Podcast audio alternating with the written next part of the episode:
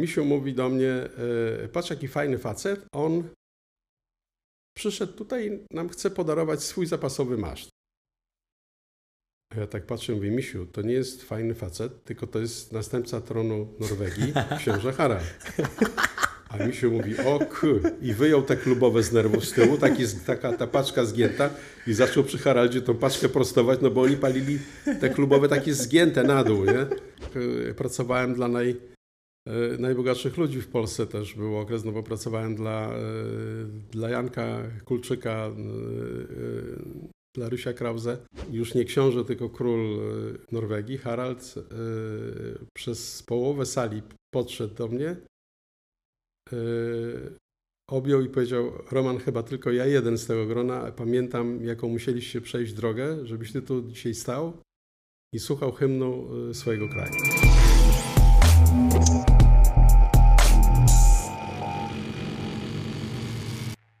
Boom! Witajcie na kanale Biznes, Firma, Inspiracje. To jest podcast BFI Talks.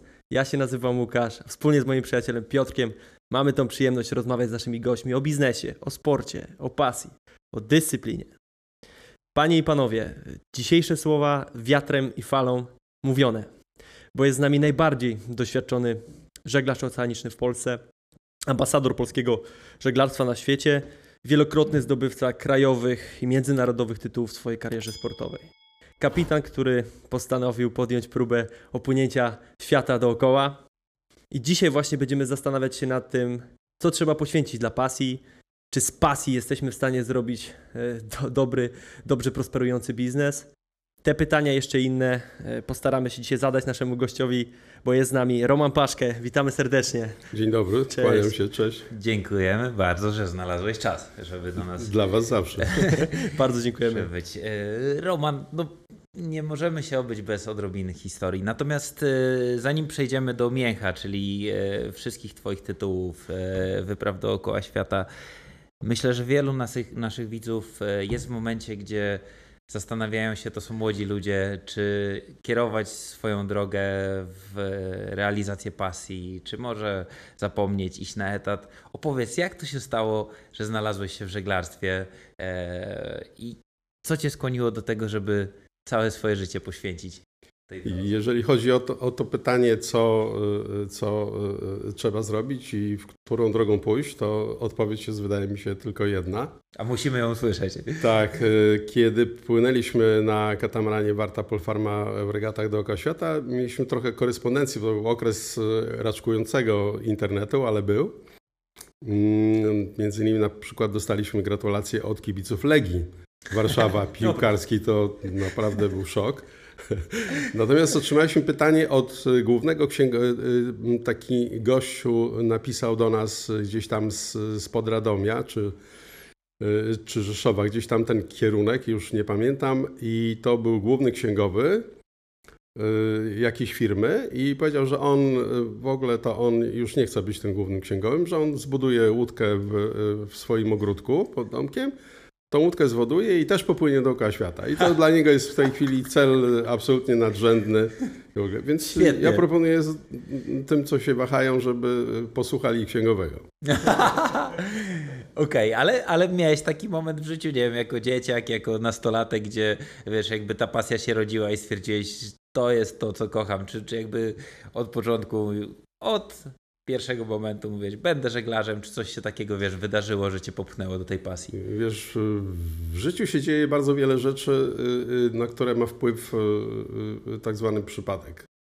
Oczywiście. Los, ślepy los.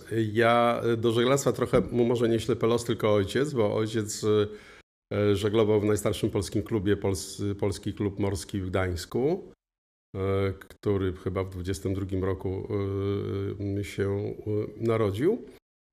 I tam spotkałem y, miłość swojego życia. To była pierwsza miłość mojego życia. E, e, nazywał się, y, ten, ta miłość się nazywała, y, miała 16-20 metrów długości, 23 metry maszt i nazywała się Ranewit.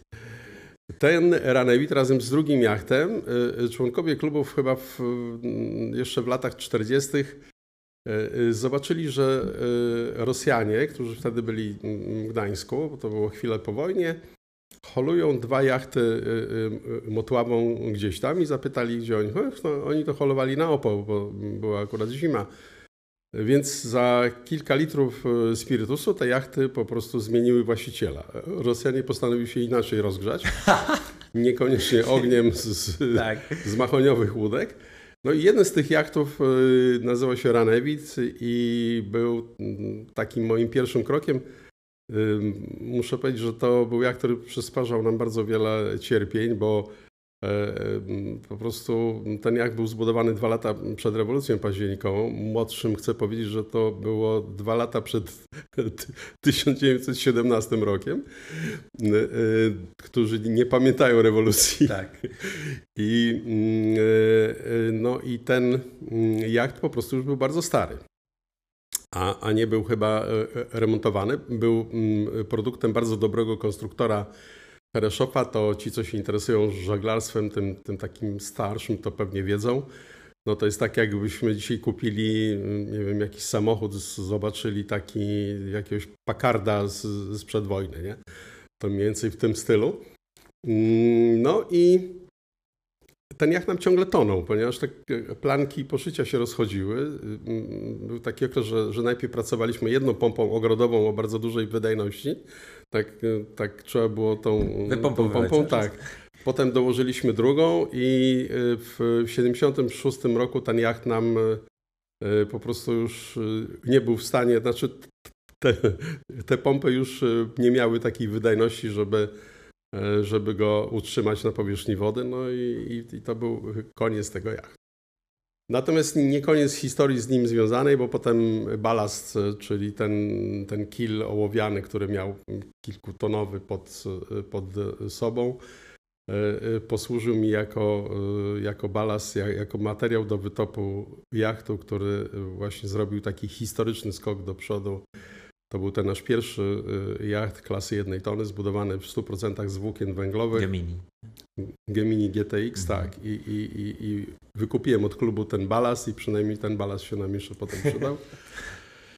No i ten duch Ranewida potem jeszcze ładnych parę lat spędził na tym naszym y, jachcie nowym. Petarda. Czyli, czyli co? Czyli, czyli y, twoja pasja do żeglarstwa do pływania, ona trochę się e, przeradzała też w budownictwo w pewnym czasie? Jakby... To były takie czasy, że nie można było pójść do sklepu i coś sobie kupić. Okay. E, nie było w Polsce też okres Gemini był taki, że gdybyśmy zamówili taką łódkę w jakiejś polskiej stoczni, to yy, tak na dzień dobry żadna z tych stoczni by nie była w stanie go zbudować, yy, ponieważ nie było u nas takiej technologii. Myśmy musieli, e, tak, raz, że włókno węglowe na ten jacht musieliśmy w, w sposób nie do końca mm, zgodny z, z, z tamtym prawem.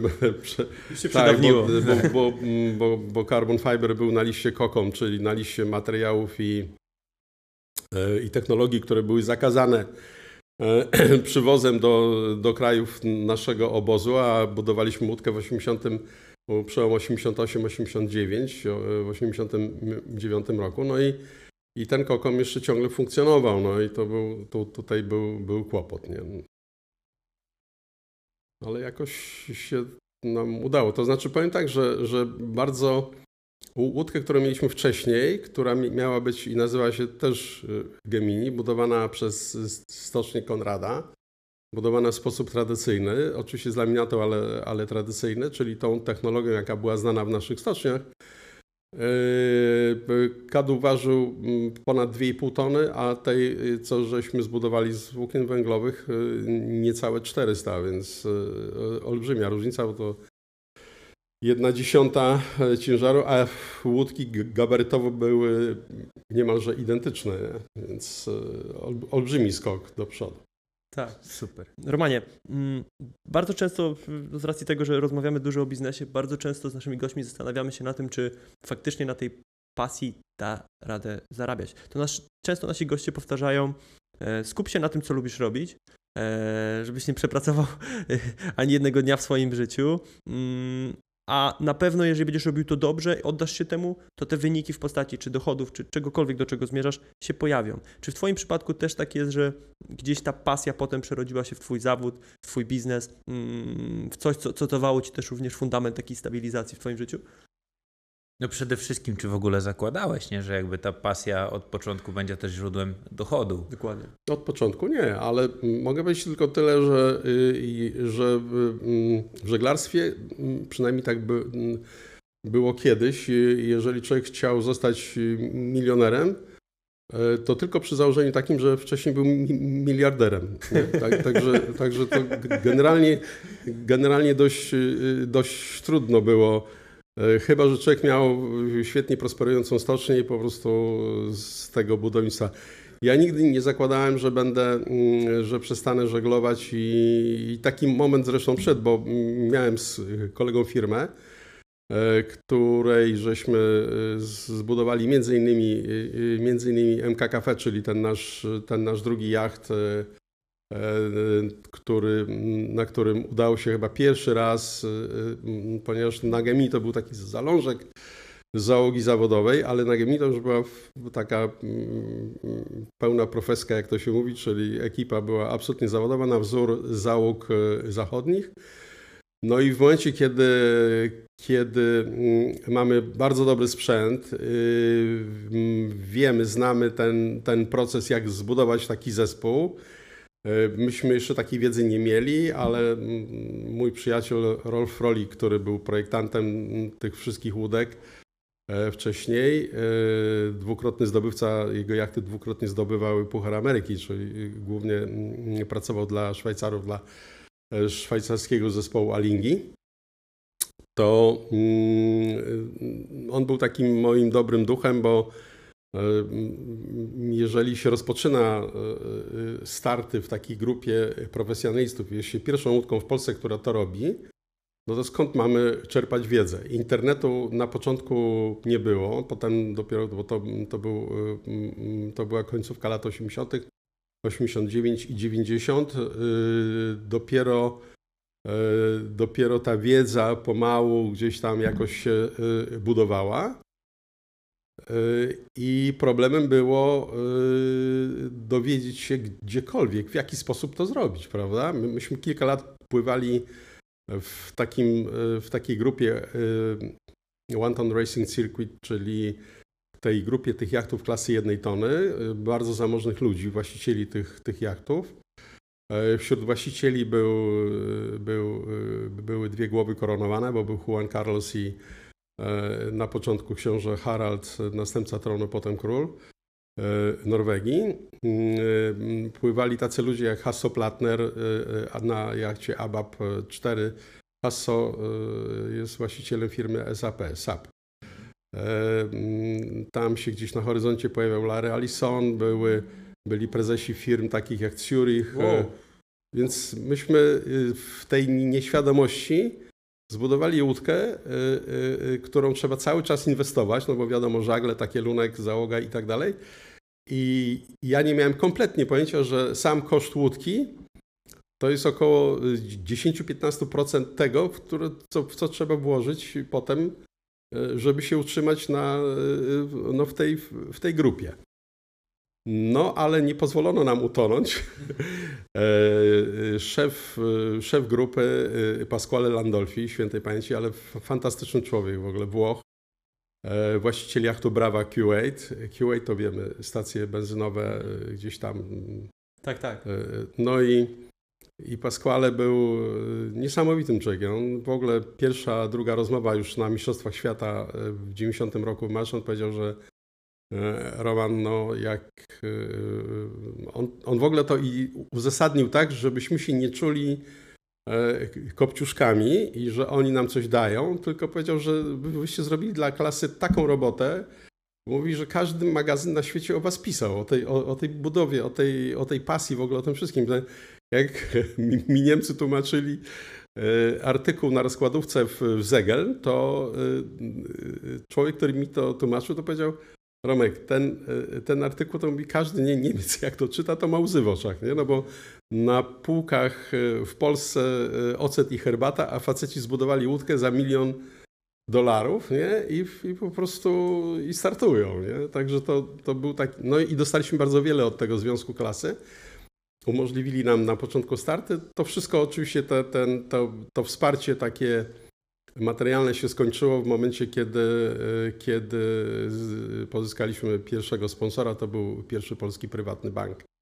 No ale chwila, bo tak, to tak. Dla, dla widzów jest bardzo istotny moment. Ale, ale samo to, że zbudowaliśmy tą łódkę, że, ten, że podjęliśmy rękawice, budowaliśmy tą łódkę, jakby to było, nie wiem jak to powiedzieć, no, budowaliśmy tą łódkę pełni nieświadomości, co będzie potem. Właśnie o to chciałem spytać, ale w ogóle chyba byliście zupełnie, poza tym, że wiedziałeś, że chcesz pływać, ani kosztów, tak, ani pewnie nie miałeś e, technicznego zaplecza, nie, nie było internetu. Z, właściwie gdyby nie, gdyby nie remontowa, bo mm, ja ponad tam 25 lat chyba pracowałem w Gdańskiej Remontówce imienia Józefa Piłsudskiego. Zresztą tam zresztą te wszystkie strajki przeszedłem z kolegami i tak dalej. No i to był taki okres, gdzie y, stan wojenny, no to, to, to, to, był, to był bardzo smutny okres w ogóle. Ten początek w ogóle dla, dla stoczni. Trochę piszę o tym właśnie w, w książce. I i jak zbudowaliśmy tą, tą łódkę, to była tak, raz, że to była taka odskocznia. Bardzo dużo ludzi wtedy w Polsce, żeglarzy, organizowało jakieś takie właśnie długie rejsy, wyprawy, bo można było się wyrwać przez no tak. te, te, lata 70. No, człowiek dostawał raz w roku paszport. Nie? No, w momencie, jak się, to, jak się to wszystko otworzyło, e, jak się rozpoczęła ta nowa era, no to, no to spójrzcie, no Mateusz Złoto, gdzieś tam od razu się pojawiły te wyniki. A przedtem, no to ty nie pojedziesz na, na Killerwoche czy na mistrzostwa, tylko pojedzie tam twój kolega, który jest o 30 miejsc e, na przykład słabszy. Nie? Zupełnie inne, inne kryteria. Ja pamiętam, że jak zbudowaliśmy łódkę, to tacy działacze wtedy przyszli z, i powiedzieli, ty A może by tą łódkę sprzedać i kupić, my za, to, za te pieniądze możemy kupić trzy solingi i 15 finów, nie? Ja mówię, no ale to idźcie i sobie zbudujcie te łódki. No myśmy tą łódkę zbudowali. No więc to, to było takie, y, takie inne myślenie wtedy, nie? Więc to, że otworzyliśmy sobie sami te pierwsze drzwi y, i muszę powiedzieć, że tutaj naprawdę no, to odlewanie tej płetwy balastowej z ołowiu, na przykład w stoczni, kiedy, kiedy pierwszy, pierwszy balast i ciśnienie tego ołowiu, myśmy stali w takich tych stoczniowych butach z moim, e, e, z moim kolegą, z, potem z bosmanem tego naszego jachtu, z Misiem, pseudonim Misiu, Mirek Gospodarczyk i stoimy i nagle po prostu ta forma nie wytrzymała i ten ołów zaczyna no ale po prostu trysnął tam no tak. nie? roztopiony. Dobrze byliśmy w tych butach takich stoczniowych. I ten pierwszy balast, te, ta, ta tona ołowiu po prostu nam poleciała na buty w ogóle i wszędzie. Ten ołów dopiero jak on ostyg, ostygnął, to potem po kilku dniach musimy go pozbierać, nową formę zrobić i tak dalej. Gdyby nie stocznia, to, y, to ta łódka w ogóle by nie powstała. Zresztą w ogóle gdyby nie łańcuch takich y, ludzi, którzy widzieli tą pasję y, naszą i, i naszej grupy i, i, i, po prostu chcieli nam pomóc, bo to, było, to był w ogóle, to, to była absolutnie przygoda życia. To była, budowa tej łódki to była przygoda życia, bo myśmy napisali przedtem e, trzy listy do trzech największych biur konstrukcyjnych na świecie, które robiły takie jachty regatowe custom. I e, ponieważ wiedzieliśmy, że nie ma ani konstruktora, ani takiej technologii w Polsce, który by to był w stanie zaprojektować. Zresztą dobre łódki morskie regatowe dzisiaj byłoby też problemem zaprojektować w, w kraju. Nie? Mniejsze łódki pewnie tak, ale ale, ale jachty takie już na morze, gdzie, gdzie trzeba zrobić tą kalkulację wagową, gdzie jest ten inżyniering i tak dalej, myślę, że to byłoby za skomplikowane, żeby zrobić konkurencyjny jacht. No i napisaliśmy te trzy listy, których opisaliśmy swoją, bo to nie było w mailu, tylko no, normalnie listy, no poczta, e, te gołębie prawie, no nie wiem. I, i, i, i przyszła pierwsza odpowiedź ze Stanów, od, z biura Bruce'a Fara, że on to był 88 rok e, jesień. E, przychodzi odpowiedź z konstruktor numer jeden na świecie, e, że oczywiście że on wie, no studenci, pasja, chcemy zbudować, fantastycznie chce nam pomóc. dostaniemy projekt łódki za połowę ceny, z, z tym, z technologią, z wszystkim w ogóle i tak dalej. No i z tym, że ta połowa ceny to było wtedy 25 tysięcy dolarów, więc proszę sobie wyobrazić, no 88 rok i taka kwota. Mieliśmy szansę jak Niemcy pod Stalingradem, żeby takie pieniądze zdobyć w ogóle, nie? więc w ogóle było, było ciężko. Drugi list przyszedł z, z Anglii od zbiora konstrukcyjnego e, angielskiego. Podobna cena tylko w funtach i też oczywiście pełen e, życzliwości list, a mm, po kilku dniach przyszedł, e, przyszedł list od Rolfa Frolika z, z firmy Judel Frolik Design z Hamburga i tam było trzy zdania. Drogi Romanie, przyślij mi bilet lotniczy e, Hamburg, Gdańsk, Hamburg, przylecę i porozmawiamy o projekcie. Petarda, ale w ogóle y, trzeba działać. W sensie y, y, podziwiam, bo od y, początku wywiadu tak mnie natchnęło, że ty nie masz żadnych ograniczeń. W sensie i e, często jest tak, że ludzie się blokują. No, no mam, nie. mam ograniczenia. Nie, nie no, masz ograniczeniem jest żona. No, ale wiesz, o, tym, o tym później. Ale wiesz, to jest y, jakby y, jedyne co teraz mi po głowie chodzi to jest fakt, że jeżeli nasi młodsi widzowie myślą, że czegoś się nie da, to powinni ciebie posłuchać. Ja? Bo okoliczności chyba nie sprzyjały, a mimo wszystko cały czas brnąłeś do przodu. A co było jakby ta strona biznesowa, finansowa, organizacja organizacja techniczna, jakby nieznajomość warsztatu, czy te wszystkie okoliczności związane z e, poprzednim układem? Co było najtrudniejsze może, w tym wszystkim? wszystko było trudne, ale, ale dojdziemy do tego. Ale może, może tak. No i, i po trzech tygodniach udało nam się zebrać potrzebną kwotę na, na ten bilet lotniczy. Bo trzy tygodnie zbieraliśmy pieniądze, żeby, żeby on mógł przelecieć. No jeszcze hotel i tak dalej. No więc po, po, po znajomych, przyjaciołach w ogóle. Więc to był, to był bardzo poważny wysiłek. No i, i stoję na lotnisku w Rębiechowie. Miałem bardzo dobry wtedy samochód z 126P Fiat i cały w nerwach, no i tam w drzwiach oczywiście staje ten George Clooney światowych projektów żeglarskich. On był takim numerem wtedy dwa. On mnie nie znał, ja oczywiście go znałem z magazynów różnych i tak dalej. No i wsiada, Rolf wsiada do, do tego malucha, ale w ogóle się nie zdziwił, tylko tak usiadł.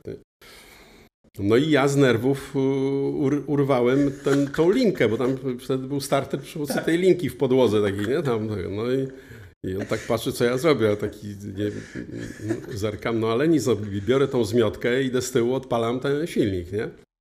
No i chyba to przeważyło, bo dwa lata później mówi, no, wiesz co, bo ja tak sobie pomyślałem, facet wysiada z kijem od szczotki, nie?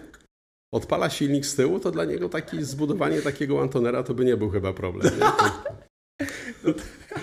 Muszę powiedzieć, że do dzisiaj się przyjaźnimy. Rolf jest, e, zresztą był, był na moim ślubie, my się znamy. E, to jest taka, muszę powiedzieć, że to jest taka przyjaźń, że przerwane wątki, kiedy się rozstajemy, to od razu są wznawiane, jakbyśmy się widzieli 15 minut wcześniej. Niesamowity facet, e, geniusz matematyczny. Jego jachty wygrywały wszystkie największe regaty na świecie.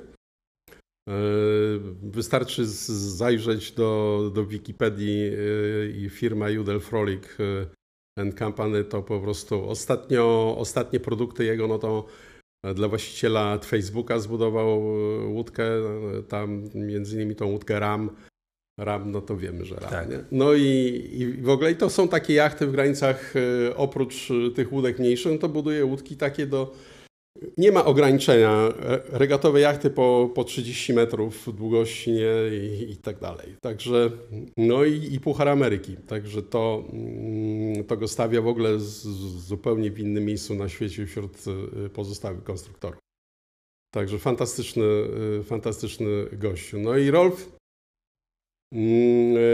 trzy dni, znaczy tak, jak przyjechał, no to z, mieliśmy dla niego wynajętą, wynajęty pokój w Marinie, w, w Sopocie. No i y, pierwszy wieczór, byliśmy na kolacji, na, nas było czterech, no on był sam piąty. No ale o czwartej rano Rolf Frolik okazał się prawdziwym Słowianinem. Więc y, umówiliśmy się potem na rano, tam na dziesiątą, że zjemy razem śniadanie. Oczywiście, ponieważ już miało dojść do tych faktycznych rozmów, to chłopaki chyba, nie wiem, albo mieli ból głowy, ale no ja przyjechałem sam w każdym razie na tą rozmowę. Pani w recepcji powiedziała, że chwilę poczekał, bo pan Rolf to zamówił rano taksówkę i pojechał w Polskę. Znaczy pojechał w ogóle, to jak potem sobie to wszystko po rozmowach z nim jeszcze ułożyłem, to on po prostu pojechał zobaczyć, gdzie on wylądował. Nie? No bo sklepy to, ja nie wiem, jak ocet i herbata na półkach, nie? delikatesy to, to może tam coś jeszcze, ale nie za dużo. E, w, w sklepy y, to napis mięso, a w środku rzeźnik, tak. prawda? Nie? Więc i nic więcej. I on po prostu w, pewnym momencie powiedział, mówi, Roman, ja sobie uświadomiłem, gdzie ja, gdzie ja przyjechałem, przecież u was nic nie było, a facet stoi naprzeciwko niego, który, nie wiem, ma ogień w oczach i mówi, że oni tu za chwilę zbudują jak klasy jednej tony z węgla. I przecież i, i, zacofanie, i zacofanie technologiczne, i w ogóle wszystko to, jak sobie człowiek to wszystko poskłada, bo dzisiaj to mamy to wszystko na wyciągnięcie ręki. Mamy internet, możemy wszystko sprawdzić, mo, możemy, e, możemy się umówić z każdym konstruktorem na świecie, możemy polecić wszędzie. Wtedy y, no, można było to, to każde każda, y, y, y, to było takie przekraczanie granic i to w ciągu dnia to było kilka razy. To, to, I na każdej płaszczyźnie jeszcze, na nie? Każdej no. płaszczyźnie. No tak, no bo ja, ja nie mogłem ze stoczni wysłać do niego faksu, do jego biura, bo musiałem mieć na każdy faks zgodę komórki wojskowej, nie? bo to, to były takie czasy. Jedyna, jedyna taka możliwa mm, łączność to był telex, bo firma obok, y, obok niego prowadziła jakieś interesy z, jakimś, z jakąś polską firmą w Polsce, no i, i mieli również ten telex, nie? Jak tak emergency mm, dzwoniłem do, do niego, no to jak, bo, bo, bo, miałem pytanie jakieś, bo coś, no to okazało się, że yy, ja dzwonię teraz, e, czyli o godzinie na przykład trzeciej po południu, ale jego łączą ze mną o drugiej w nocy, bo, bo taka była telekomunikacja polska, jeszcze nie, nie ESA wtedy i nawet nie telekomunikacja. I Rolf wiedział o tym, że jak o drugiej w nocy ktoś dzwoni, to na pewno dzwoni Paszka albo o czwartej rano, nie? No bo u nich tak łączą. Nie? On na początku nie mógł zrozumieć też, no bo on z hotelu chciał zadzwonić do żony i powiedzieć, że, że wylądował, że już jest w Gdańsku, a, a pani mówi, że może go połączy, ale za 8 godzin, albo może wcześniej, albo później, nie? I on najpierw pyta, czy, co to, że, że, że line jest broken, nie? Że to, tak. że to urwane. Nie, nie, to u nas tak jest. Tak, nie? tak to działa. Więc tak jakby to jest człowiek, który pamięta, jak, jak myśmy zaczynali i po trzech dniach pobytu, trzeciego dnia pobytu, yy, przez te trzy dni w ogóle nie rozmawialiśmy o Nowej Łódce. Rozmawialiśmy o życiu, o, y, obejrzał ten nasz stary jacht, znaczy stary, który miał, miał raptem dwa lata, no ale no ja mówię, że ten, do tego nowego to byśmy chcieli ten masz przerzucić, te, te kabestany, to wszystko, co możemy z tej starej, bo, y, a kadłub nie, no kadłub musimy zrobić nowy. No i tak rozmawiamy, ale ani słowa o nowej łódce. No i jak odprowadzam ostatniego dnia, odwożę go tym maluchem na lotnisku i tak na lotnisku mówię, ale wiesz co Rolf, ale ja chciałem zapytać, co. A, mówi, przecież ja tu przyjechałem, żeby tak. ten, ten one toner, mówi, otworzył, oczywiście sobie ja. Tak. Otworzył y, bagaż i wyjął teczkę z, z mylaru takiego mm, y, z, z nitkami kevlaru, no i, i mówi, Romek, to jest, y, mówi, prezent od mojego biura i ode mnie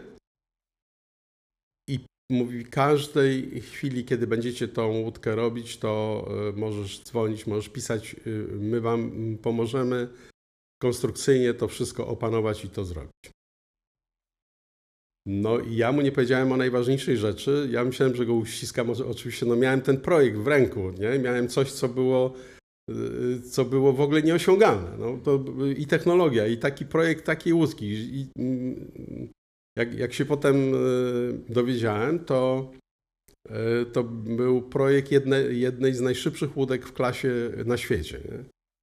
Równolegle e, robił podobny projekt dla, dla Holendrów, między innymi dla mm, Bałe Bekinga. Bałe teraz prowadzi Sailing Poland, uczestniczy w tym, w tym projekcie.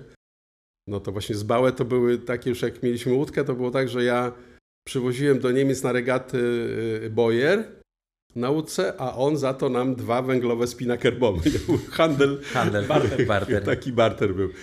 I, yy, I potem dopiero miesiąc później na targach y, w Düsseldorfie, na który pojechałem, zdobyłem się na tą odwagę i mówię, Rolf, jest jeden, jedna rzecz, o której ci nie powiedziałem. No, jak popatrzę, ja nigdy nie budowałem jacht. A on, Polański, mówi, to nie jest problem, ja to przygotowałem dla ciebie, mówi, specjalny buklet. I dostałem od niego tak, jak w Ikei się dostaje. Normalnie jest zrobiony buklet, książkę, strona pierwsza, włożyć rękawiczki. Strona druga, wszystko rozpisane, przystawić drabiny, pomalować podłogę. Dlaczego pomalować podłogę? Nie może się kurzyć. Musi być sterylna czystość, jak w szpitalu. Od razu mi powiedział. No i tak dalej, i tak dalej. To, czego się nie przestrzegało u nas, no, na przykład w tych stoczniach, to tam... No i myśmy takie warunki stworzyli i zbudowaliśmy razem z chłopakami, bo jeszcze mnie czekała ciężka rozmowa, której się bardzo bałem. E, e, Gerard, e, Gerard Lewiński, pseudonim Kaszub, który był szefem prototypowni w Stoczni Konrada. Ja musiałem mieć ekipę do tej budowy też y, taką, która budowała jachty, bo mogliśmy na różne miny trafić. Załoga to jest jedno. No i, i Gerard się oddalił na parę minut z tą swoją brygadą. Ty Paszkę tu posiedź i tego, ja muszę z nimi porozmawiać. No bo ani kasy, no w ogóle nic. Nie? I powiedzieli, że pomogą. Także to był, to był taki ostatni stopień już. Y, y, zrobiliśmy fantastyczny helling, czyli tą, tą, tą formę łódki. Y, Gera to wszystko bardzo ładnie obudował. No potem Rolf przyleciał, żeby, to, żeby zrobić odbiór tego kopyta i powiedział, że to jest mówi, że to jest dzieło sztuki, że to jest tak pięknie zrobione, tak. Myśmy y, naprawdę się przełożyli wtedy do tego. No i w trzy miesiące zbudowaliśmy jacht. Normalnie e, zbudowaliśmy łódkę w czasie, nie budując takich jachtów, pracując czy ucząc się jeszcze w szkole, w szkole i tak dalej, zbudowaliśmy w trzy miesiące o połowę prędzej niż wtedy stocznia Konrada tej wielkości jak budowała. Nie? Więc ja mówię, to co co może zrobić taka prywatna inicjatywa, jeszcze jak do tego przyłożymy trochę pasji, trochę, e, trochę własnych chęci, no nawet nie trochę. No, ale mi się kojarzy tak jak teraz jesteśmy świeżo po lotach w kosmos i e, Elon Musk, e, Bezos, Musk bardziej Branson. jakby Branson, no Bezos zaraz też ty robiłeś na tamten czas chyba równie wielkie rzeczy. W sensie, bo oni teraz mają technologię, dostęp do wiedzy, do pieniędzy przede wszystkim, a, no a ty stanąłeś po prostu pyk, dobra, zrobię to, nie? I e, no, to jest cudowna historia, naprawdę. Tak, no tam jeszcze potem, potem chłopaki, z, z, którzy, no bo tak, jest łódka, ale trzeba też od, odpowiednią ekipę. Te pierwsze Mistrzostwa Polski, chwilę później, wygraliśmy w sumie bez walki, no bo ta łódka odjeżdżała od tych polskich jachtów jak, jak chciała, ale mm, żeby powalczyć na zachodzie, to no niestety te, te, te pierwsze regaty, pamiętam, no to były straszne baty. I trzeba było trochę zainwestować też w załogę. Właśnie, a wtedy, wtedy, wtedy już jakby na tym zarabialiście, czy to, to dalej było tak z skoku? Wiesz? W, w 90 roku popłynęliśmy na, na, na, nasze pierwsze Mistrzostwa Świata, do, ponieważ to było blisko. I, ale to były przełomowe Mistrzostwa Świata w, w Szwecji, w, w tym Marstrand. Marstrand to jest taki, taki szwedzki Sopot. Nie? Te drewniane domki oczywiście i tak dalej. Na rekonesans pojechał nasz y, y, Sopocianin, y, mój przyjaciel Józef Słabysz, który prowadził też jakieś wtedy interesy ze Szwedami. No i trafił na burmistrza miasta, to był Anglik, Bob. Bob był, tak, był burmistrzem, był dyrektorem szkoły, co było, jak się potem okaże, nie bez znaczenia, i był e, szefem Ochotniczej Straży Pożarnej. Także pełnił różne funkcje tam w tym, w tym marszant. No i jak Józek go pytał, gdzie, gdzie my tu możemy spać, bo na tej ulicy się nie dało w ogóle spać, nie? to trzeba było mieć jakąś bazę. To on mówi, Józek, no nie ma w ogóle problemu, są wakacje, dostaniecie klucze od szkoły, będziecie mieszkać w szkole. Było, to był ten plus, że wszystkie hotele były gdzieś tam na obrzeżach tego, tego masztand, nad wodą, a my mieliśmy y, klucze od miejsca, gdzie mieliśmy spać. Każdy miał swoją, jak się śmiałem, każdy miał swoją salę gimnastyczną i, i, i toaletę. Spaliśmy na materacach na podłodze i mm, najfajniejsze było to, że, że mieliśmy y, ze szkoły do łódki, no to może 20 metrów, nie? Więc byliśmy przy, przy tej flocie jachtów zaraz i, i to było fajne. I na tych Mistrzostwach Świata Yy, dokonał się taki przełom, bo mm, wszyscy znali tą naszą historię. Yy, oczywiście każdy był zajęty sobą, no bo to mistrzostwa świata, więc łódki i tak dalej. Ale w, Nikt nie wiedział, jak pływacie, nie? Yy, pływaliśmy tak lekko poniżej średniej. Dobrze nam wyszedł długi wyścig, bo na 33 łódki zajęliśmy 12 miejsce, więc to był nasz taki najlepszy wyścig długi. Natomiast w średnim wyścigu w nocy gdzieś tam pod Skagen, e, na granicy Kattegatu i Skagereku e, z, poleciało w tej flocie. Były bardzo trudne, trudne warunki, bo to były warunki posztormowe, czyli wiatr słaby, a została bardzo wysoka fala. I, e, połamało się 11 masztów, a nasz maszt był ósmy. I y, niestety, ale my nie mieliśmy ubezpieczenia. No, no tak. Takie były, taki mamy klimat wtedy. No, był taki. Zbędny wydatek. Tak. I y, wydatek, na który trzeba było mieć jeszcze środki. Mieliśmy jedną fajną rzecz, bo dostaliśmy wtedy były Igrzyska Solidarności i dostaliśmy y, właśnie tam od ekipy Lecha Wałęsy dostaliśmy, dostaliśmy spinaker z dużym napisem Solidarność. I to ten spinaker zrobił tam furorę, no bo 90 rok, my tak. z tym spinakerem. I takie fajne zdjęcie jest w gazecie. Ja, ja muszę ten, ten, ten Göteborg poster muszę zanieść do, do Centrum Solidarności, do EC, bo tam jest takie zdjęcie, gdzie E, płyną trzy łódki na spinakerach. Jest Peugeot, jest Investa i w środku jest Gemini i Solidarność. I napisany jest e, bardzo ładny tytuł, jest, bo to jest na pierwszej stronie Polska z wiatrem. Więc e, no, to było wtedy bardzo ważne, że nie sportowcy coś przemycają z tej Szwecji, tylko, tylko, tylko właśnie Polska z wiatrem. Bardzo fajny tytuł i bardzo fajne zdjęcie. E, no i tak, łódka się kołysze bez masztu przy kei, mm, przy kei w tym, w, w. Ja wracam jak zbity pies, e, to już było dwa dni później, z, z namiotu, e, z namiotu komisji regatowej, żeby powiedzieć, że, że chyba nie, nie wystartujemy, bo w pozostałych dwóch wyścigach, no bo jak to zrobić, nie? A i się zbliżam do łódki, a koło łódki widzę, że jest bardzo dużo, jest tłum dziennikarzy. No po prostu jakieś flesze, kamery, telewizja.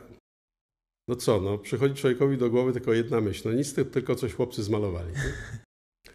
Wchodzę na łódkę, na łódce siedzi Misiu, nasz bosman, o którym mówiłem wcześniej, odlewa, przy odlewaniu y, y, płetwy kilowej. Naprzeciwko niego taki wysoki facet bez włosów, palą y, obydwaj klubowe, nie wolno było na łódce palić w środku. E, I piją, I piją mazowszankę, no bo mieliśmy tam parę skrzynek tej mazowszanki wzięliśmy z kraju. No i Misiu mówi do mnie, e, patrz jaki fajny facet, on przyszedł tutaj, nam chce podarować swój zapasowy maszt. Ja tak patrzę mówię, Misiu, to nie jest fajny facet, tylko to jest następca tronu Norwegii, książę Harald. A Misiu mówi, o kur... I wyjął te klubowe z nerwów z tyłu, taki, taka ta paczka zgięta i zaczął przy Haraldzie tą paczkę prostować, no bo oni palili te klubowe takie zgięte na dół, nie? I ten, i Harald go klepie po plecach, mówi, Misiu, Misiu, jest, jest okej, okay. nic nie prostuj tam. No no i, i, i tak się rozpoczęła nasza, e, e, nasza znajomość, bo e, Harald zawsze, jak mieliśmy ten okres zimy i potem bardzo wcześnie zaczęliśmy w przyszłym, następnego roku pływać już, początek kwietnia mieliśmy, mieliśmy regaty w Szwecji w Stenungsbaden, potem kolejne w Niemczech i Harald byliśmy jedynym jachtem, na który on wchodził.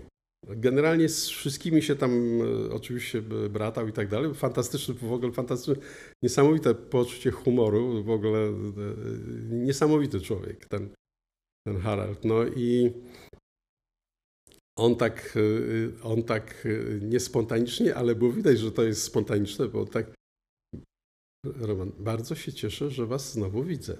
Bo oni byli po prostu tam przekonani, że, że, już, my, że, że już jest, y, no, bez sponsora to, to już nie mamy szans. Nie?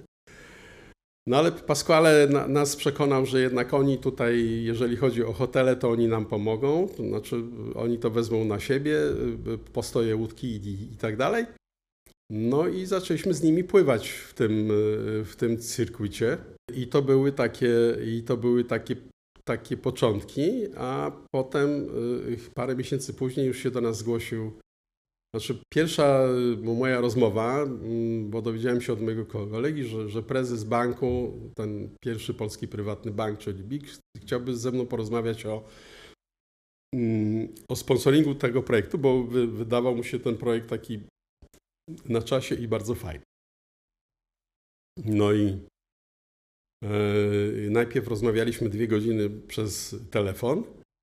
E, telefony oczywiście stacjonarne, więc stałem w korytarzu u siebie w moim starym domu we Wrzeszczu i, i, i rozmawiałem. No potem pojechałem do, do, Warszawy, no i po kilku miesiącach już mieliśmy podpisany kontrakt i, nie były to takie pieniądze, jakie mieli nasi przeciwnicy, ale były takie, że y, stać nas było na, mm, na walkę o miejsce w pierwszej dziesiątce. Nie, jeszcze nie o top, ale, ale już tak, że, że można było. No i to był taki, to był taki początek. Jeżeli chodzi o biznes, to, to muszę powiedzieć, że, y, że y, BIG wtedy, bo oni mieli oczywiście swój jakiś plan, a plan był taki, żeby dzięki nam poznać e, europejskich różnych szefów różnych, różnych właśnie takich firm, które tak. mają wpływ na różne rzeczy.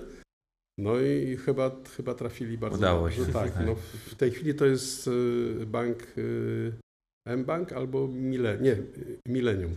Okay. Bo to był, przedtem to był Bank Inicjatyw Gospodarczych, BIG. Nie? No i to ta, taki pierwszy kontakt z biznesem. Pięknie.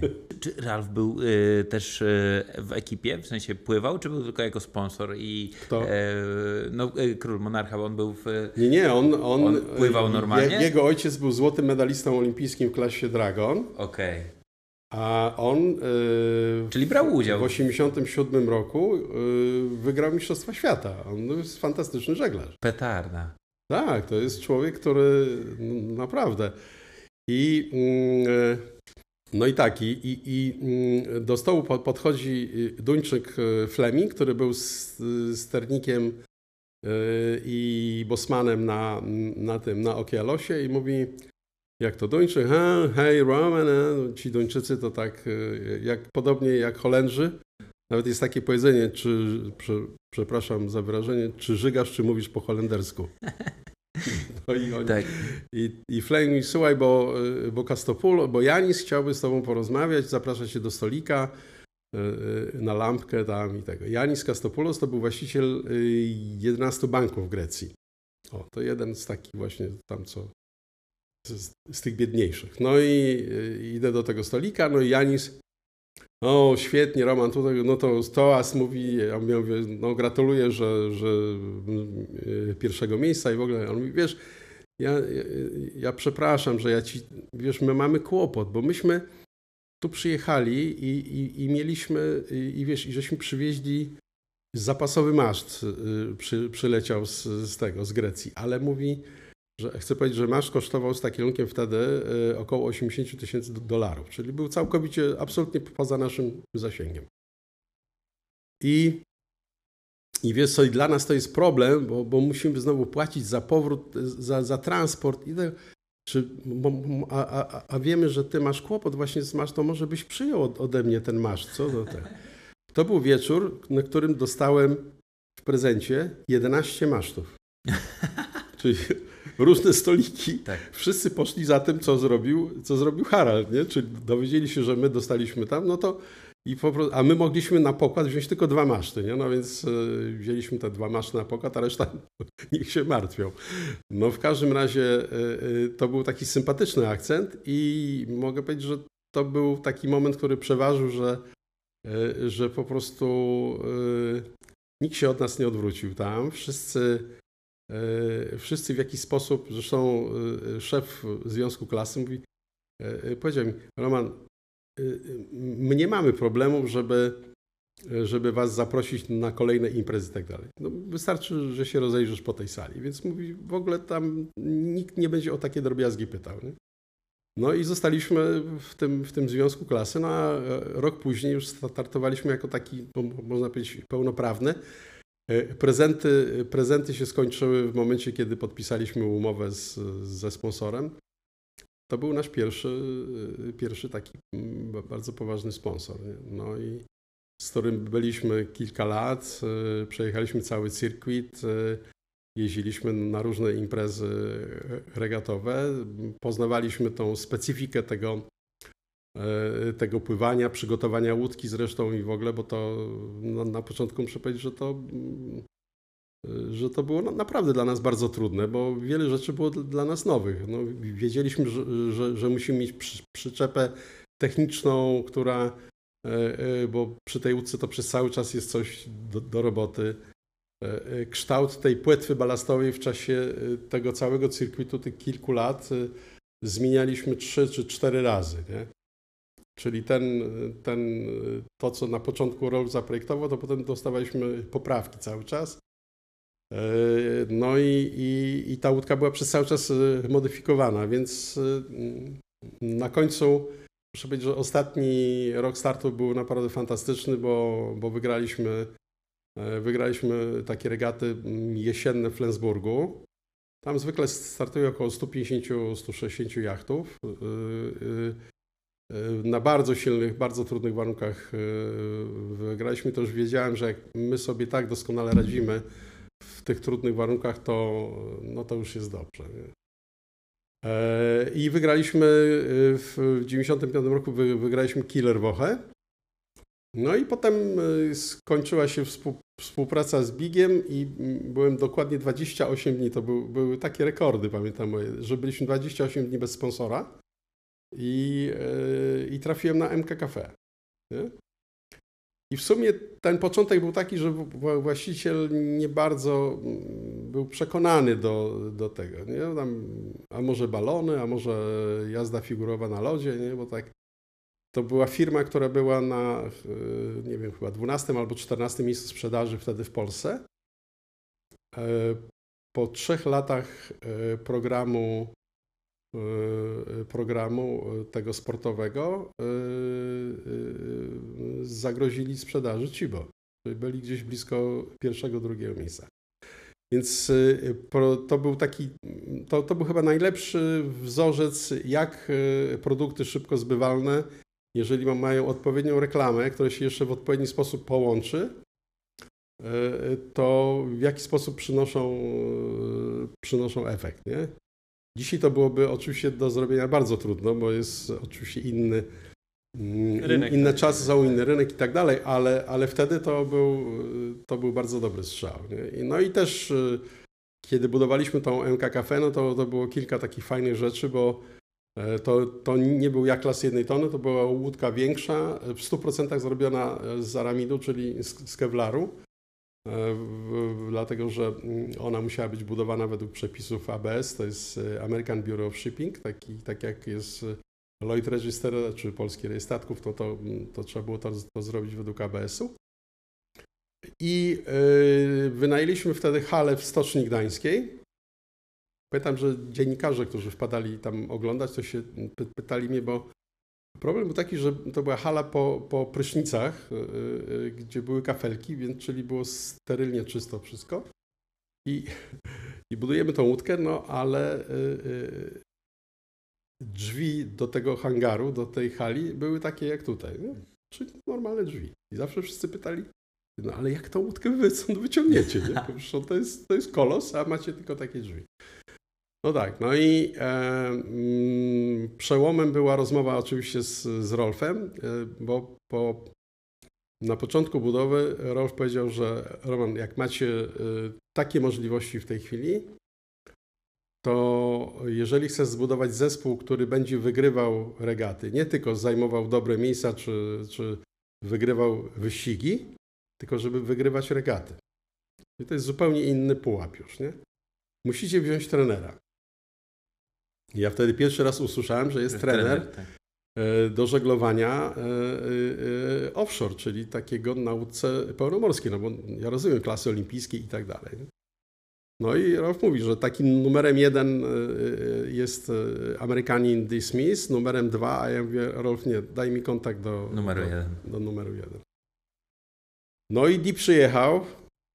To był człowiek, który, który nas, mogę powiedzieć, że to człowiek, który nas stworzył, nie? Fantastyczny gościu. E, e, brał udział w, w, gdzieś mniej więcej no, od połowy w, w, budowie łódki, może nawet wcześniej. Był cały czas z nami, trenowaliśmy na Gemini, budowaliśmy w tym czasie jacht i to już było, można powiedzieć, że utrzymywaliśmy się z tego, co. Czyli to już było takie zawodowstwo, zawodowy zespół. Nie była jeszcze skonkretyzowana załoga, E, Di powiedział, że on to bierze na siebie. E, e, mówi, bo wiesz, Roman, ja wyjadę, mówi, mnie, do mnie to mogą na ulicy nawet tutaj strzelać, że ja kogoś zwolniłem albo tak. A ty tu, a ty tu zostaniesz, więc on przejął tą, tą robotę, a zresztą on to bardzo dy, dyplomatycznie zrobił ze mną, natomiast on był po prostu w tym dobry. To był facet, który jak, jak ktoś przyszedł na pokład kandydat do, do ekipy, do, do, do takiej treningowej, to on od razu, nie, nie, to, to nie, to nie to. Nie? Ale, no spróbujemy. No i taki, on wiedział. I e, szkolił najlepsze załogi na świecie. No i Di też się pytał cały czas właśnie, mówi, ty wiesz co, ale te drzwi mnie niepokoją, że są trochę za małe, mówi, jak się. A potem przyszedł i Y, któregoś dnia i mówi tak, słuchaj, my kończymy budowę zgodnie z, z tym harmonogramem na 3 y, czy 4 dni przed Mistrzostwami Świata w Grecji, na których musimy być w Pireusie. A budujemy, chcę Ci przypomnieć, Roman, że budujemy w Gdańsku łódkę. Mówię, no, no i powiedz, jak to, jak Ty chcesz to rozwiązać? Statkiem trzy tygodnie. No. E, samochodem e, specjalny ten e, tylko w nocy, tak. prawda? No to, tak, jeszcze przechylona łódka i tak dalej, no to około 10 dni. Nie? No i tak dalej, i tak dalej. Kiedy przyszedł ten D-Day, no to sztaplarka wywaliła w frontowej ścianie otwór, przez który wyciągnęliśmy łódkę na, na, na takiej stoczniowej loże. E, e, chłopcy tam kilka bram obok przynieśli bramę i wmurowali, czyli jakby ustalimy wcześniej, że po, po prostu zrobimy halę z tego, nie? E, na swój koszt. No i natomiast ten traktor, który holował przyczepę, to ja siedzę tam na tym traktorze obok tego gościa, który tam to prowadził, a Di idzie na piechotę i kalkulator i mówi Słuchaj, no w tym tempie to będziemy jechali w przyszłym około roku. 25 dni, mówi do tego Pireusu, ale zobaczył, że jedziemy na lotnisko.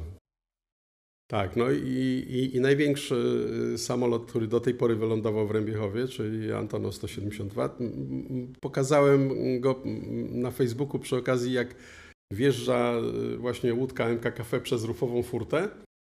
No i, i i maseczki, które przyleciały, bo to było akurat tak, że te, te maski przyleciały tam dwa lata temu, nie? Mhm. Też samolotem. Także tylko, że tylko, tylko maseczki się okazały bezużyteczne, a łódka tak. jeszcze trochę zrobiła różne trochę rzeczy. Zrobiła, tak. W każdym razie mieliśmy po 4,5 cm luzów w rufowej furcie. Y, główny mechanik tego samolotu Gdyby nie joystick, który on wprowadzał tą łódkę, to bo z 11-osobowej załogi to tylko pamiętam, że był kapitan i nawigator byli trzeźwi. Nie? To był samolot ukraiński, a pozostali byli tak e, różnie. No i, i ten patrzyłem, Dobrze, że dwóch, nie? patrzyłem z niepokojem, jak on trzyma się tego joysticka, żeby się nie przewrócić i wprowadza nasz, naszą żaglówkę Za ile ona była? Co? Y, koszt tego przelotu y, relatywnie, relatywnie to, to nie było drogo, bo to było y, około 50 tysięcy dolarów, A. gdzie pojechały jeszcze dwa samochody, motorówka, e, kontener i pojechał jacht, maszt, balast 3,5 tony i tak dalej. To wszystko.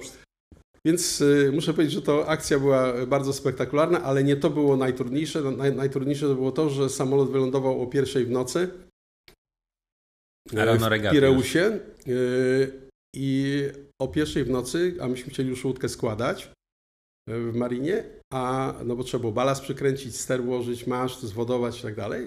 Myśmy pa, parę godzin pracy, ale problem był taki, że celnicy greccy nie pracują o pierwszej w nocy. Ale na szczęście, tu wracamy do biznesu, opatrzność wymyśliła bankomaty. Mhm i celnicy mm, przed drugą odprawili ten jacht. Także, także, także, Super. Także no, to było takie, gdybyśmy poszli no, normalną drogą, to też byśmy nie zdążyli. Mhm. Nie, nie byłoby szans. Po, Więc... po, po, powiedz, no, robiłeś wielkie rzeczy i osiągnąłeś w żeglarstwie prawie wszystko. Jakbyś miał Pewnie to będzie trudne, ale wszystkie te doświadczenia w taką pigułkę, jak osiągać takie cele, bo no, tworzyłeś historię, robiłeś pierwszy te rzeczy.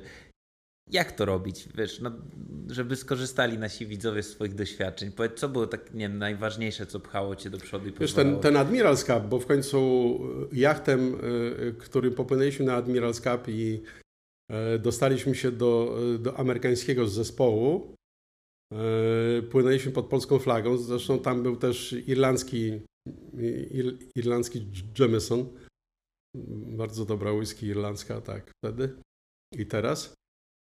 I trzecią łódką, największą był, y, była flaszka, czyli Flash Gordon, e, e, jednego z milionerów amerykańskich, całkowicie zawodowa załoga i w ogóle prowadził bardzo dobry, flaszkę prowadził wtedy, pamiętam, e, bardzo dobry amerykański skipper Ken Reed. No i Kenny plus ten Jameson i my i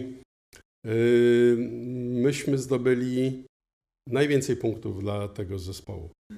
I wygraliśmy ten Admiral's Cup i to, było, to była taka odpowiedź, bo w 1979 roku, kiedy była ta, ta tragedia Fastnet, gdzie zginęło e, tych 15 żeglarzy i czterech ratowników i to była w ogóle, mm, jak pamięć, pamięć sięga, to największa akcja ratownicza w ogóle w dziejach na morzu. Ponad 4000 osób brało udział w akcji ratowniczej. Nie? Sztorm o charakterze cyklonu tropikalnego. Wtedy nie było jeszcze tych e, modeli matematycznych pogody, które jakby mm, są w stanie, są w stanie przewidzieć e, e, tak, jak dzisiaj to jest. Ten układ baryczny, który zresztą przeszedł ze wschodniego wybrzeża Stanów, on szedł w górnych warstwach atmosfery i to była dodatkowa trudność, bo on był po prostu długi okres czasu był niewidzialny w takiej normalnej synoptyce. No i yy, chcę powiedzieć tylko, że 60 węzłów to się zaczyna, około 60 węzłów zaczyna się 12 Beauforta. A myśmy mieli 88 węzłów wiatru, nie? czyli to można powiedzieć 17, no. 17 18 Beauforta. Nie? Bardzo ciężki sztorm. A największym problemem było to, że to, no bo sztorm jak sztorm, ale tam był strasznie duży spadek temperatury, no bo wyobraźcie sobie 12-13 sierpień, czyli mamy środek lata i temperatura z, z takiej dziennej 20 y, tam 5, 6, 8 stopni e, wtedy w nocy spadła do plus 2. I no dużo było takich właśnie z, takiej śmierci związanej z hipotermią, to, że łódki, y, ponad 86 jachtów nie, nie, nie, nie ukończyło wtedy, utonęło, część utonęła. W ogóle był, mm, były bardzo trudne warunki. No generalnie, generalnie mm, natomiast w czasie tych wyścigów inshore, czyli tych, tych krótkich w Cieśninie Solent, ja, y, myśmy to widzieli. Nas traktowali oczywiście mm, bardzo poprawnie, to było wszystko, ale różnica poziomów była po prostu przeogromna. To, to było coś, co no i było, było widać tą taką lekką ironię, lek, nie ironię, taką pobłażliwość Aha. troszkę. Nikt nie traktował nas Poważnie. gdzieś tam oczywiście wewnątrz jako, jako takich przeciwników, którzy mogą coś zrobić. Pomimo, że mieliśmy dobre łódki, oczywiście one były za ciężkie, bo budowane tą, tą technologią, która była wtedy u nas znana. To był dobry projekt nowozelandzki konstruktor Doug Peterson.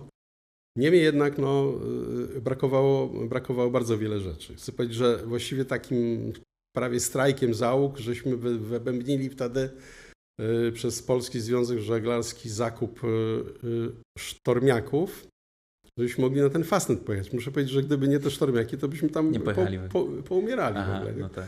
z zimna. Chociaż to były sztormiaki nawet nie te ciężkie, które by wtedy powinniśmy mieć, tylko takie, takie najlżejsze, najtańsze, no niemniej jednak one były.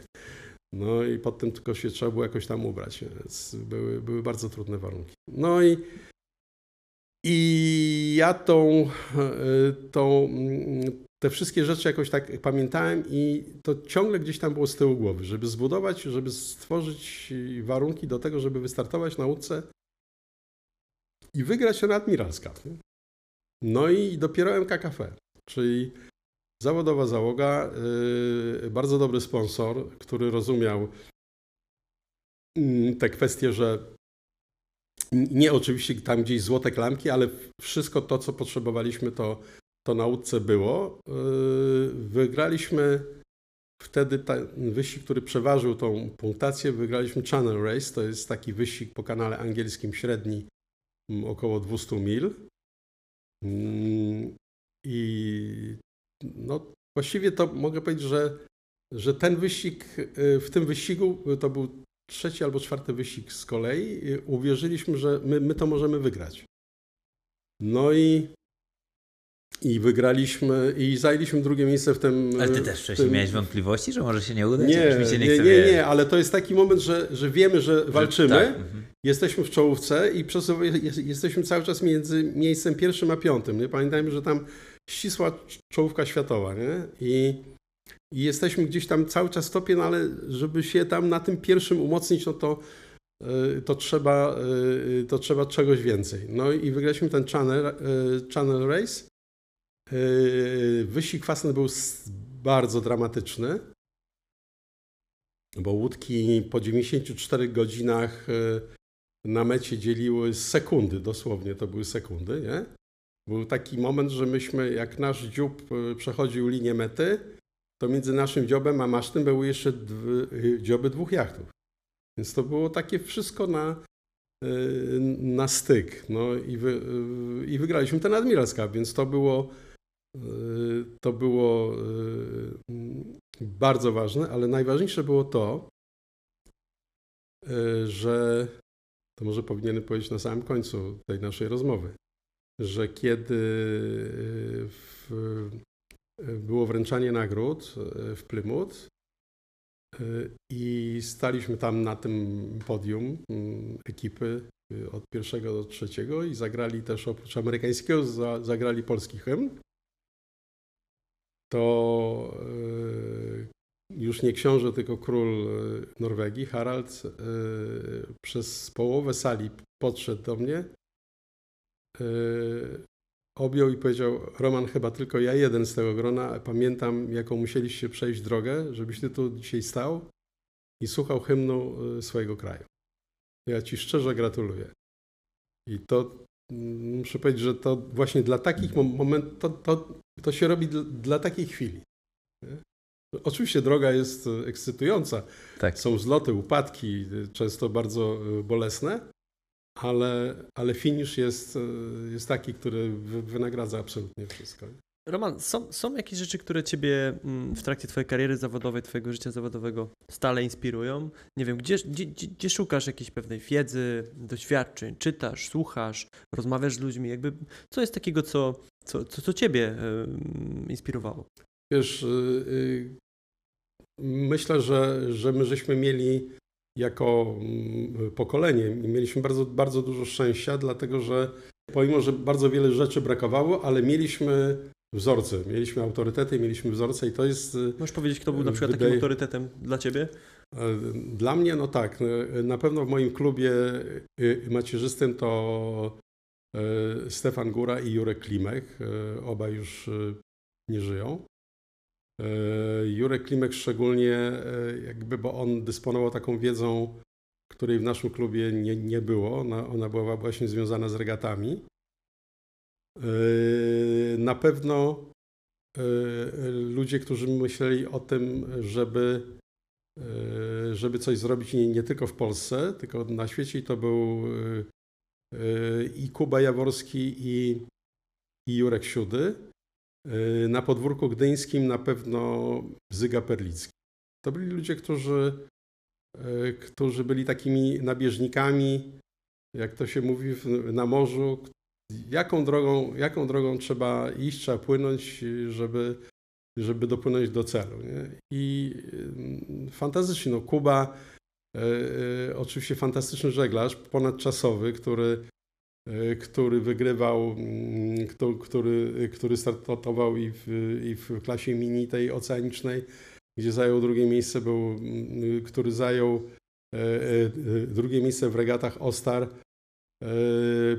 pierwszy jednokadłubowiec w tej, w tej swojej klasie, bo tam z nim tylko wygrał taki jacht e, Trimaran, e, ale w ogóle przypłynął na metę trzeci, po, zaraz po Eryku Tabarlim, który te regaty wygrał. No, Eryk Tabarli, ci, którzy się interesują żeglarstwem, to pewnie, to pewnie wiedzą, no fantastyczny, w ogóle to jest e, absolutny idol i taki absolutny pomnik we Francji, jeżeli chodzi o, o o, żagle, e, o to, co w ogóle zrobił. Nie?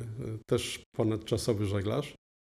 E, inspirował właśnie konstruktorów e, do projektowania coraz lepszych łódek w różnych klasach i tak dalej. Także mm, na pewno, na pewno Kuba i, i na pewno Jurek Siudy, który był dla mnie wzorem. Był to, był to człowiek, który, który był chyba wtedy najlepszym technikiem E, w żeglowaniu, czyli mieliśmy swoją sławę, która e, wtedy pracowała w Anglii, to był e, Czesław Marchaj, który pracował, kończył Politechnikę Warszawską Aerodynamiki, a pracował w Anglii, w Southampton, brał udział w, projektach o Puchar Ameryki angielskiego, ale też przede wszystkim no, wydał najważniejsze książki, które są absolutną Biblią na całym świecie. To był, to był niesamowity człowiek. E, Czesław Marchaj, no na pewno mój kapitan z czasów Fastnet w 79 roku, czyli mm, e, Tadziu Siwiec, którego nazywaliśmy tatą, bo tata miał piątkę dzieci, więc stąd tata. E, no i myślę, że zawsze trzeba mieć jednak trochę szczęścia i ja myślę, że ja miałem bardzo duże szczęście do ludzi których spotykałem to, to, na swojej To w ogóle drodze. twoja historia i twoje sukcesy to jest droga właśnie chyba ludzi, którzy się znajdowali koło ciebie i e, wspierali, pomagali, wierzyli w ciebie. Przez cały wywiad to się tak przejawia, że... Wiesz, no, trzeba mieć, trzeba mieć na pewno trzeba, trzeba, mieć marzenia, marzenie. To nie może być oczywiście yy, marzenie nierealne, czyli też trzeba to jakoś tam zbalansować, nie? I zbilansować, y, y, y, trzeba pójść taką drogą, że wiesz, że jest to możliwe. Na pewno droga jest trudna. Może, może być, to ja mówię z dzisiejszego punktu widzenia, może być tak, że może ci się to nie udać, ale o tym nie wolno myśleć. Nie? Tak. Musisz, to, jest, to jest tak jak z, z balastowaniem na e, morskim jachcie regatowym jest tak, że y, Di nam też właśnie to powtarzał, że my siedzimy na tym kancie łódki, ona płynie pod przechem, załoga jest najważniejszym elementem y, w momencie prostującym łódkę, nie? Bo łódka im pro, prościej płynie, tym płynie prędzej. Nie jak się przechyla bardzo, bo wtedy dryfuje, płynie gdzieś jakoś tam w bok i zwalnia. Więc trzeba ją maksymalnie prostować. Nie? Pomagać oczywiście pracą żagli i tak dalej, ale prostować.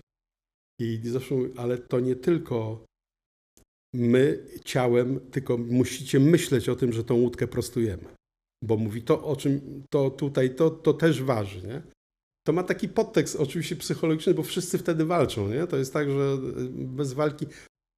Jak, jak tworzysz, wiesz, y, y, ja myślę, że w ogóle stworzenie załogi jest trudnym elementem. Naj, najprościej jak się pływa samemu albo w dwójkę, bo, bo wtedy ten, ten proces komunikacyjny jest, jest oczywiście znacznie bardziej prosty. Nie? Szczególnie jak człowiek pływa sam, no to w ogóle parę razy tak. płynąłem sam, no to wiem. E, no i, e, i to nie ma takiego e, nie ma to takiego wymiaru. Natomiast stworzenie stworzenie zespołu to jest tak jak w piłce nożnej. To, że będziesz miał 10 e, gwiazd w drużynie, wcale nie muszą dobrze grać. To, to wcale nie znaczy, że, e, że będziesz no, najlepszy. To, to tak jest właśnie w tej chwili Paris Saint-Germain, gdzie tam jest problem Mbappé i ten, i, i Messi, prawda? To wcale nie znaczy, że, że ten zespół, jak będzie miał same gwiazdy, to będzie, to będzie dobre, czy, najlepszy. Nie? Także to mm, proces tworzenia, gdzie ostatnim elementem, bo już potrafimy doskonale robić manewry, mamy doskonale opracowany przez zespół brzegowy, y, y, mamy opracowaną logistykę, jesteśmy dobrze przygotowani technicznie, czyli y, mamy ten proces checklisty, tak jak samolot pasażerski zanim wystartuje, to pilot, pilot ma checklistę i musi do tego. No to u nas Wtedy tam było też ponad, nie wiem, około 150 punktów, które trzeba było przed każdym wy, wy, wypłynięciem. Musisz po prostu sprawdzać, po tobie ktoś jeszcze coś, coś tam sprawdza i tak dalej. Nie może być tak, że pójdziesz do sponsora i powiesz, że, e, że mm, no, wy, wycofałeś się, bo coś się popsuło. Nie mówię tutaj o rekordach i regatach na, e, e, na wielokadłubowcach, nawet na jednokadłubowcach, tych długodystansowych, bo one się rządzą zupełnie innymi prawami. To jest tak, że udanych projektów jest dużo, dużo mniej niż te, które startują. No, sam, sam próbowałem, ponieważ wielokadłubowce są, przede wszystkim każdy wielokadłubowiec jest, nie dość, że jest custom, że to jest w ogóle prototyp, to jeszcze jest jakiś w samej swojej substancji, to jest bardzo indywidualny prototyp, nie? bo bo, to, bo każda łódka jest inna. Nie? Jest bardzo duża, jeżeli chodzi o jednokadłubowce, jest bardzo duża statystyka i konstruktor, który projektuje jednokadłubowiec regatowy, ma dużo, y, dużo prostsze zadanie, jeżeli chodzi właśnie o, o, ten, o ten engineering y, wytrzymałościowy, niż y, wielokadłubowiec. I niestety to jest tak, że takim przykładem dla mnie jest, jest Bank Popular, czyli jacht sponsorowany przez Bank Po i francuski, który obecnie się nazywa Spindrift i wiem, że oni na początku mieli, przez 4 lata robili próby, e, próby rekordu dookoła świata i przez 4 lata żadna próba się nie udała. Przy budżecie no limit, przy najlepszym zespole, jaki w ogóle można było zorganizować, cały czas techniczne problemy jakieś, nie? I tam się wielu rzeczy nie da w tej chwili te łódki są oczywiście, bo już, bo już ta wiedza, ci Francuzi na tych pająkach tam coraz więcej tego robią i, i, i, i, ten, i, ten, i ten FEM cały, czyli ten, ta metoda skończonego elementu i inne możliwości liczenia mm, są, e, są na dużo wyższym poziomie niż jeszcze parę lat temu. Ale niemniej jednak jest dużo rzeczy, których E, których człowiek nie jest w stanie przewidzieć lub nawet mu nie przyjdą do głowy, tak jak, jak ja się przekonałem, że, że, to, że to może ulec awarii. Nie? A jednak tak się zdarza. I, I to jest rzeczywiście bardzo, e, bardzo trudne. Poza tym jest tak, że jeżeli płyniesz na krótkim wyścigu, czyli masz na przykład Mistrzostwa Świata, który składa się z, e, z siedmiu wyścigów krótkich, jednego średniego i jeden długi. To jeżeli ci w krótkim wyścigu coś się przydarzy, to po dwóch godzinach nikt o tym już nie pamięta, bo, bo ty likwidujesz na lądzie usterkę albo coś i, i startujesz do kolejnego wyścigu. Natomiast jak płyniesz i w połowie oceanu, y, w połowie trasy, a płyniesz już ponad miesiąc albo dłużej, coś ci się stanie, no to jest zupełnie też inny wymiar w tym, w tym przekazie medialnym. Nie? No jak popłynął i ten, i mu się tam popsuło, i jak mu się popsuł, to co on tam w ogóle tego, no ma sponsora i czego on jeszcze chce, nie? Nie, to tak nie jest. Aha. Słuchaj Roman, no moglibyśmy pewnie jeszcze gadać tutaj kolejną godzinę. Pewnie, pewnie e, tak. Powiedz mi króciutko, e, co teraz, jeżeli możesz się podzielić, czy jakieś projekty realizujesz i czego Ci życzyć? E, no więc tak, myślę o takim, myślę o takim projekcie, który, mm, który chcielibyśmy z kolegami wdrożyć na Wyspach Kanaryjskich, bo tam mamy przez cały rok lato. Taki projekt, który jest związany z żeglowaniem, E, takim e, bardziej komercyjnym. Mhm. I, I, może ja już nie mam takiego, takiego ognia, żeby gdzieś tam się No, PESEL, prawda? Nie? To tak już człowiek o, o innych rzeczach myśli. E, mogłem te, te kwestie biznesowe, o których rozmawialiśmy, mogłem oczywiście ruszyć, ruszyć wcześniej, bo mm, nawet pamiętam, że, że w przypadku MK Cafe to było tak, że rozmawiałem z właścicielem MK Cafe, który mi po, po prostu postawił ultimatum. Albo będziesz robił tą swoją stocznię, albo będziesz pływał.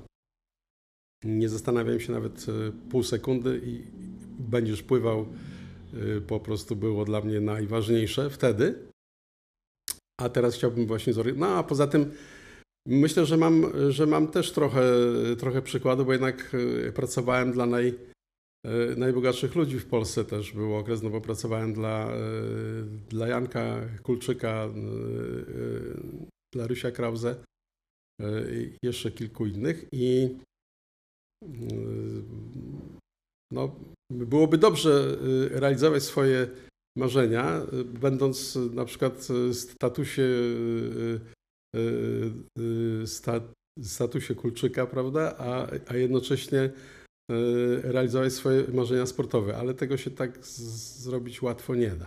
Chociaż są ludzie na świecie, którzy do tego doszli. Między ale innymi... pewnie kolejność była inna, nie? Wychodzili od biznesu, a y, później. No tak, chociaż Bertarelli chyba ten, ten który wygrał Puchar Ameryki, to y, ten Szwajcar, to mm, chyba miał taką drogę, że już wkroczył chyba w pieniądze, a potem e, równolegle prowadził i biznes i żeglował. Nie? Bardzo wiele takich ludzi. I takich też bardzo wiele spotkałem na, na swojej drodze. No, ja myślę, że, że yy, w tej chwili to jest taki etap, że, że chciałbym coś takiego robić, co by przynosiło i satysfakcję, i, mm, i, mm, i pieniądze. Nie, niekoniecznie jakieś, jakieś duże. Chodzi o to, żeby żeby po prostu e, stworzyć taki model tego, tego biznesu, żeby, e, żeby mo można było bez, bezstresowo żeglować. Może jeszcze w jakichś regatach. No, ciągle gdzieś tam mam z tyłu głowy, że, że nie udało mi się samemu dookoła świata. Będzie trzecia i próba? I pewnie gdzieś tam po, po tej głowie to, to chodzi, natomiast nie potrafię dzisiaj powiedzieć, czy, czy to jest y, mm, do, do zrealizowania, bo, bo, bo jestem na, jakby w tej, tej chwili na innym etapie, etapie tworzenia czegoś innego. Mhm. Y, a myślę, że na to, co mi tam gdzieś z tyłu boli w głowie, to pewnie jeszcze mam trochę czasu.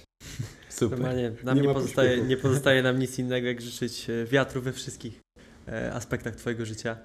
E, strasznie miło było Ciebie tutaj gościć. Fajnie, że wypiliśmy dwie kawy. I mogliśmy... Wypomina, wypomina. mogliśmy porozmawiać trochę o Twojej historii. To jest e, strasznie inspirujące dla nas. E, przede wszystkim wielki zaszczyt, że, że mogliśmy uścisnąć dłoń i, i usłyszeć te historie. Myślę, że, że równie inspirujące będzie to dla naszych widzów.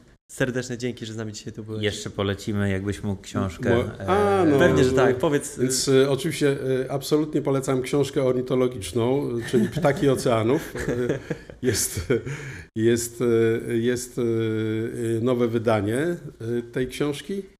No, może trochę za mało zdjęć, bo mieliśmy kłopot, żeby pozbierać, bo to już. Ale ja myślę, że. że Niech wyobraźnia dla, trochę popracuje. Że dla tych, co chcą coś robić, to bardzo możliwe, że to będzie jakaś inspiracja. Super. Super, super. Bardzo, bardzo Ci dziękuję. Bardzo, wielkie dzięki. Bardzo. Tymczasem słuchajcie, obserwujcie nasz kanał, e, polubcie materiał, dajcie znać w komentarzach, co myślicie o tego typu historiach i może mielibyście jakieś pytanie do Romana, to na pewno on chętnie odpowie e, dla Was wszystko w, w, w komentarzach. I co, widzimy się następnym razem, do zobaczenia. Hej, trzymajcie się.